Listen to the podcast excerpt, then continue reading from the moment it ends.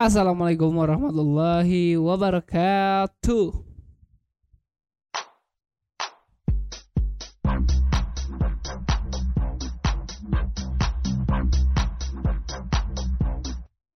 Baik, selamat malam ya teman-teman. Alhamdulillah hari ini, aduh, saya serak ya, mohon maaf. Alhamdulillah hari ini bisa membersamai kembali di podcast antioksidan ya bareng saya. Andi Permana yang tidak rubah namanya dari lahir ya, tetap Andi dan Permana, nggak nambah nggak berkurang ya.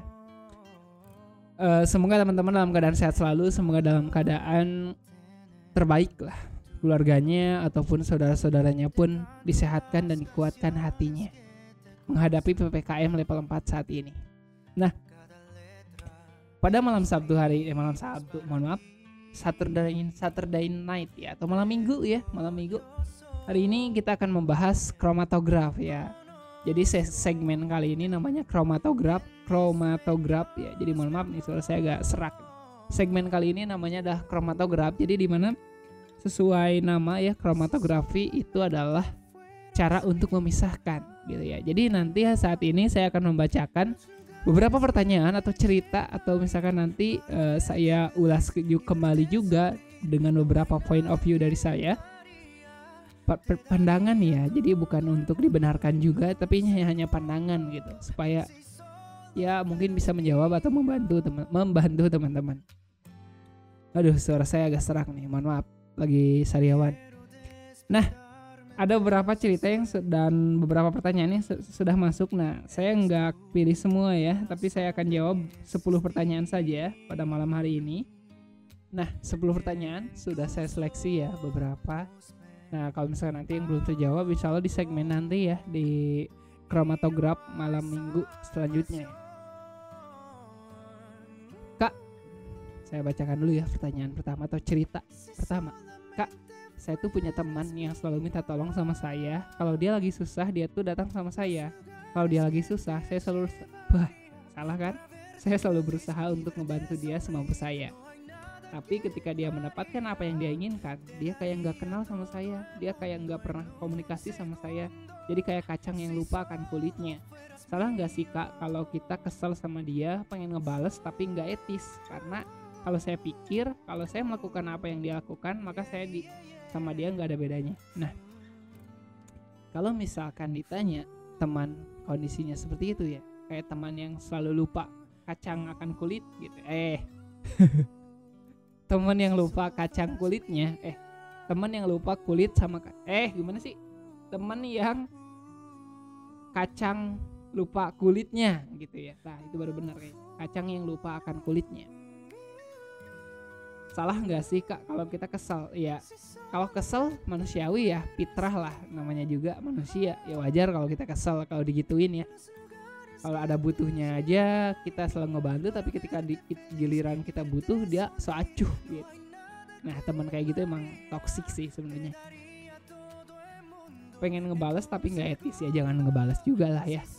Air susu jangan dibalas dengan air tuba eh air tuba digalas dengan air susu. Air air susu dibahas dengan air tuba. Ya kebaikan dibahas dengan kejahatan tapi air tuba dibahas dengan air susu itu luar biasa juga ya nah jadi kalau misalkan eh, apa ya di kondisi seperti itu kos kesel wajar marah wajar itu fitrah ya yang terpenting. Segimanapun teman kita itu tetap teman kita tapi kalau misalkan masalah kejahatannya sikap yang jeleknya ya nggak usah dibalas juga lah. Tugas kita baik kepada orang lain tapi kalau misalkan ada orang lain jahat ke kita ya sebaik-baiknya juga Rasul pun punya men- pernah mencontoh mencontohkan susah amat sih nyebut contoh mencontohkan pada saat Rasul berjalan berdakwah pada saat itu beliau dilempar batu beliau dihina diludahin dan sebagainya. Apakah Rasul balik lagi melempar batu? Apakah Rasul balik lagi meludah? Bahkan pada saat itu malaikat pun ingin membantu Rasul tapi kata Rasul jangan. Ya kayak gitu. Jadi pada intinya kalau misalnya ada teman kayak gitu ya kita biarin aja lah kalau misalnya dia butuh kalau misalnya nggak ujar ujar urgent urgent amat ya nggak usah diiniin kayak gitu. Toh kita juga bisa hidup sendiri kok bisa masing-masing sebenarnya. Nah kalau misalkan ada teman yang kayak gitu suka kacang lupa akan kulitnya ya kita juga dalam artian membatasi aja. Kalau misalkan pada akhirnya dia pun malah acuh ketika kita butuh. Nah nanti juga seleksi alam sih mana teman yang memang selalu ada saat kita susah atau misalkan temen yang selalu hanya ada saat kita senang aja. Kayak gitu. Jadi kalau misalkan perlakuannya marah wajar kalau misalkan kita ngelakuin kayak gitu jangan. Ya yang penting kita baik-baik aja aja sama dia. Doakan aja kalau misalkan nggak ada hidayah atau apa pun ya itu terserah lah. Karena tugas kita juga udah mengingatkan atau misalkan sudah menolong kayak gitu ya. Barakallahu lanjut ke cerita yang selanjutnya nah bagaimana sebuah cara mencintai dengan salah. Gimana sih? Oh, maaf salah. Sebuah cara mencintai dengan salah. Cara mencintai yang salah ini pertanyaan atau gimana sih? Sebuah cara. Nanti dikasih tahu ya. Ya gak apa-apa lah. Sebuah cara mencintai dengan salah artinya pertama kamu berlebihan mencintainya. Yang kedua, kamu terlalu terlalu berharap kepadanya. Yang ketiga, kamu membunuhnya. itu adalah cara yang salah. Ah gak jelas sesat emang. Nggak nggak. Maksudnya gini ya. Ketika kita berlebihan mencintainya jelas. Ya, kita sama saja mendoakan menduakan penciptanya. Penciptanya. Jadi kalau misalkan mencintai pada makhluk ya tetap kita juga harus mencintai penciptanya yaitu Tuhan ataupun Allah Subhanahu wa taala. Kemudian Jangan terlalu berharap pada manusia. Betul karena manusia adalah tempatnya kecewa. Karena seni paling bersederhana salah kan? seni paling sederhana untuk kecewa adalah berharap pada manusia. Artinya jangan pernah berlebihan berharap pada manusia dan jangan pernah berharap apa pun dari manusia. Berharaplah hanya pada Tuhannya. Karena balasan terbaik adalah dari Allah Subhanahu wa taala, bukan dari manusia sebenarnya kemudian ya tadi kamu membunuhnya. Kamu cinta tapi kamu membunuhnya. Ya dalam artian bukan dibunuh ya tapi apa ya kalau misalkan mencintai dengan salah ya saat itu sebenarnya banyak sih problema mencintai dengan salah saat ini. Salah satunya ya mungkin kamu bisa apa ya dalam artian salah itu dalam artian bisa dalam artian norma sosial ataupun norma agama ya dalam agama ya dalam artian ada petik. Kalau misalnya secara sosial pun tanda petik. Kayak gitu. Pada intinya kan misalnya dari saya pribadi jangan merusaknya. Kemudian jangan berlebihan terhadapnya. Secukupnya saja. Kayak gitu ya. E, karena untuk kalau misalnya untuk dibahas lebih lanjut kayaknya bakal banyak perdebatan pertentangan juga ya. Jadi saya singkat aja dulu. Kemudian, menurut saya, ketika laki-laki nyuruh buat nunggu, belum tentu dia setia. Tapi ketika laki-laki yang nunggu, dia pasti sangat setia. Ini yang ketiga ya. Ketika laki-laki nyuruh buat nunggu, belum tentu dia setia. Tapi ketika laki-laki yang nunggu, dia pasti sangat setia. Kira-kira menurut teman-teman seperti apa? Kalau misalkan menurut pandangan saya pribadi gitu ya. Ketika laki-laki nyuruh buat nunggu, belum tentu dia setia. Ya, bener sih gitu ya. Karena ini perspektif ya. Jadi tergantung kita memandang. Tapi dan memang tidak semua laki pun seperti itu. Ketika dia nyuruh nunggu dia tidak setia. Kayak gitu. Jadi pada intinya ini balik lagi gitu. Ketika laki-laki memang dia berkomitmen untuk menunggu apa memperjuangkan dulu misalkan dalam jeda waktu tertentu, tertentu kalau misalnya dia sungguh-sungguh dia akan setia kok gitu Terus, tapi ketika laki-laki yang nunggu dia pasti sangat setia. Belum tentu, karena fitrah seorang laki-laki adalah menjemput bukan menunggu. Ya bisa jadi menunggunya dia sangat setia, tapi dalam artian dia sangat mencintainya misalkan, kemudian tulus kepada ceweknya, kemudian dia memang sudah yakin si cewek itu adalah jodohnya dan lain sebagainya ya. Balik lagi ke beberapa faktor. Silakan menurut teman-teman seperti apa? Selanjutnya, jika saya membunuh seekor tikus dengan alasan takut masuk ke rumah, apakah itu dosa? Nah, kalau misalkan soal tikus ya, itu merupakan hewan yang bisa dibunuh ya. Jadi silakan cross check lagi, tanyakan kepada Ustadz. Jadi tikus itu salah satu hewan yang sah untuk dibunuh karena itu merusak juga kayak gitu ya. Jadi kalau misalkan masalah dosanya enggak ya. Karena itu tikus merupakan hal yang sah eh bukan hal ya hewan yang sah untuk dibunuh. Kayak gitu. Silakan kalau misalkan tidak ini atau jawaban saya kurang puas tanyakan kepada ustadz atau asatid atau asatizah. Eh ustazah ya kayak gitu. Hidup ini memang gak selalu ada di koridor kita kan tapi selalu ada di jalurnya yang udah Allah susun. Ya betul memang hidup ini apa ya apa yang kita rencanakan belum tentu sama dengan apa yang sudah direncanakan oleh Allah Subhanahu wa taala karena sebaik-baiknya perencana adalah Allah Subhanahu wa taala karena kita ada batasnya ya. Jadi kalau misalkan minimal bukan dalam artian kita bisa menghandle semua hal dalam koridor kita gitu dalam genggaman tangan kita akan tetapi ketika kita memasrahkan hal itu kepada Allah Subhanahu wa taala nah itu akan menjadi koridor kita sendiri yang artinya ke depannya itu insya Allah akan lebih baik.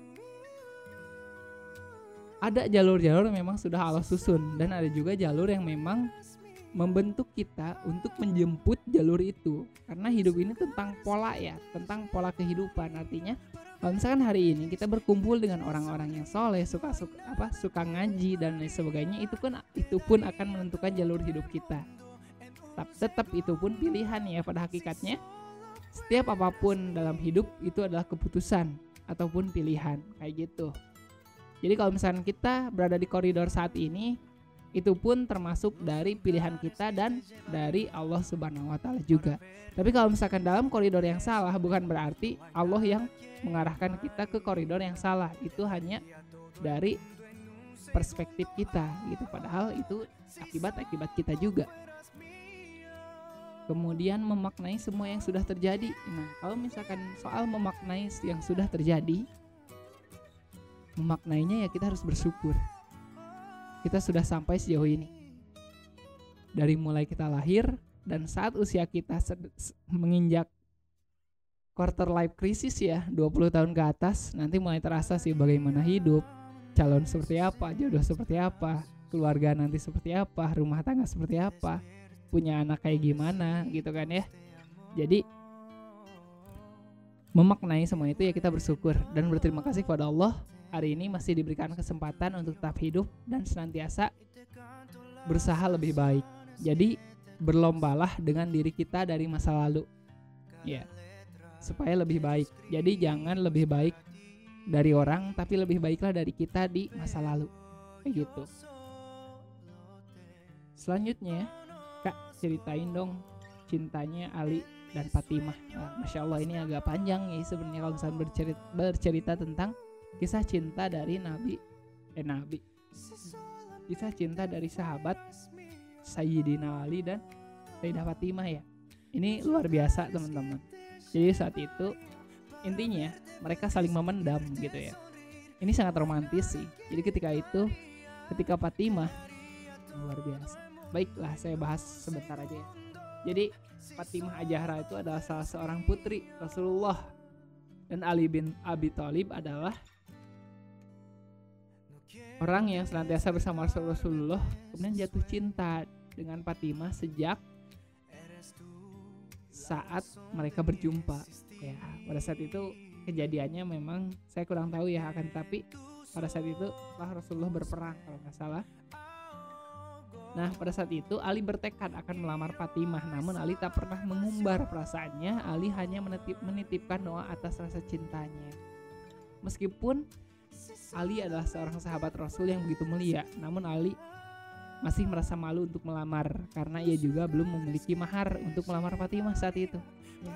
Seperti dilema laki-laki saat ini, belum punya mahar untuk melamar gitu. Pada intinya bukan berarti mereka nggak berani ke rumah mungkin ya, tapi lagi mikirin mahar bisa jadi gitu.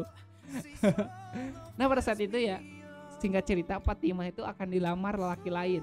Ketika seorang berusaha mengumpulkan modal untuk melamar Fatimah, tiba-tiba tersiar kabar bahwa sahabat Rasul yang ingin melamar Fatimah yaitu adalah Abu Bakar Ashidik.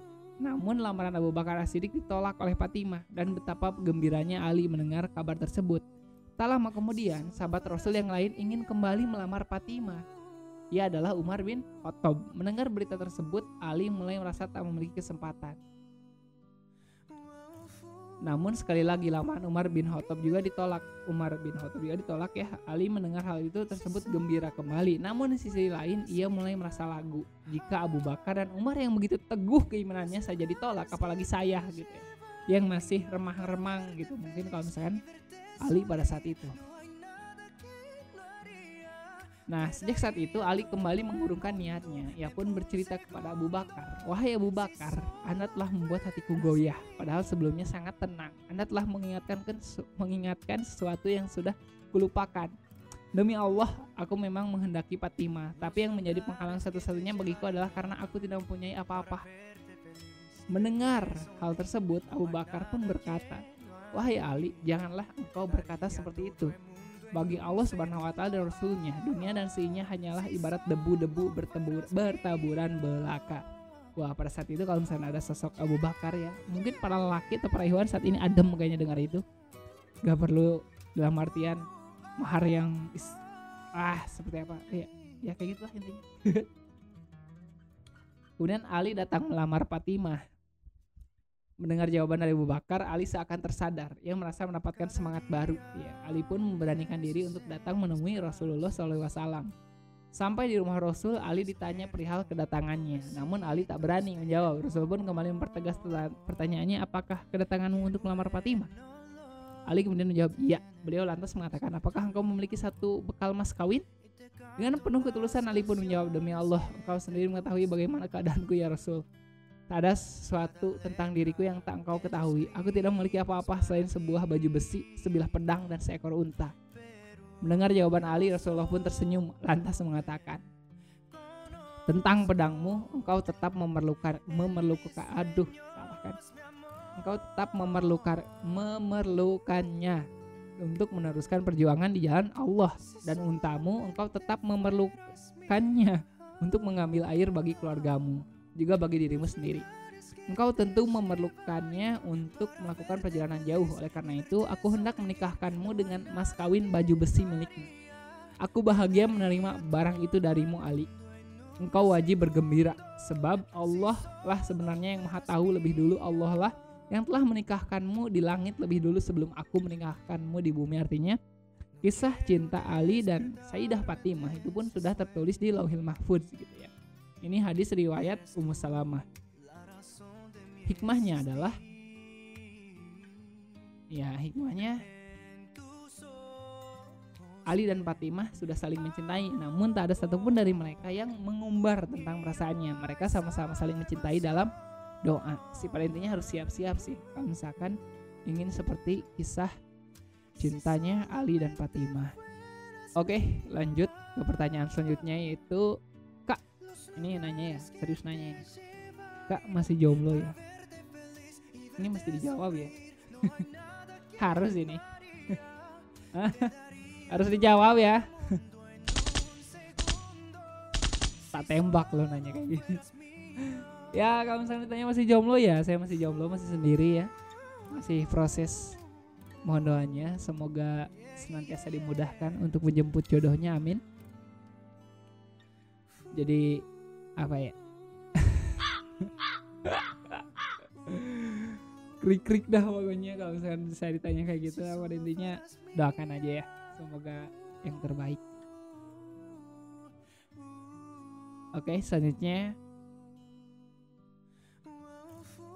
Kak jurusannya farmasi. Ya betul. Saya kuliah di farmasi di Universitas Garut.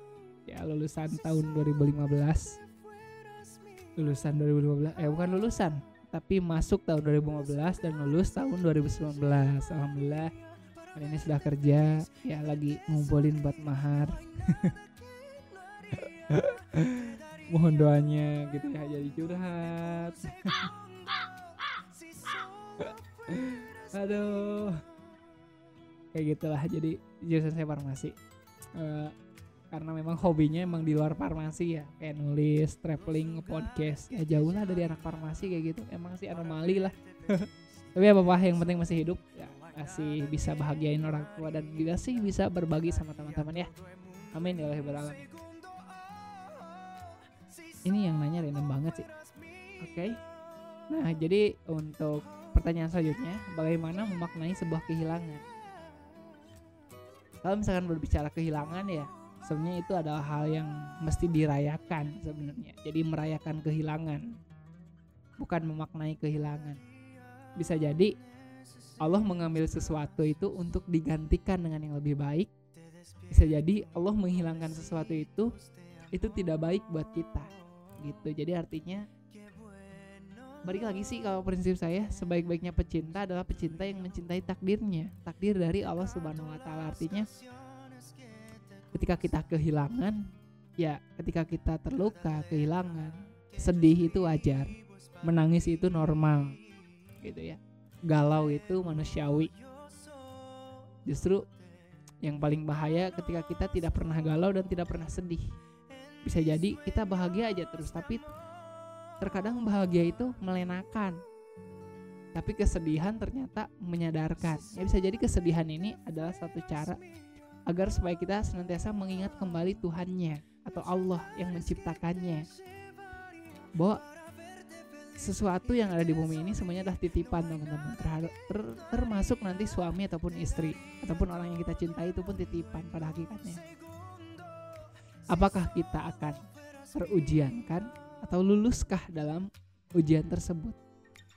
Terujian rancu ya. Ya pada intinya bisa jadi itu adalah ujian ataupun rahmat. Kayak gitu. Rahmat apabila kita bisa menjaganya sampai menikah ujian apabila nanti pada hakikatnya kita tercerai berai. Tercerai berai. Maksudnya kehilangan putus ditinggalkan di ghosting dan sebagainya. Pada hakikatnya kalau misalkan di ghosting dan lain sebagainya relakan. Ya. Tugas kita bukan lupa seutuhnya jadi move on itu bukan lupa seutuhnya tapi ketika ingat kita baik-baik saja. Barakallahu fikum. Assalamualaikum warahmatullahi wabarakatuh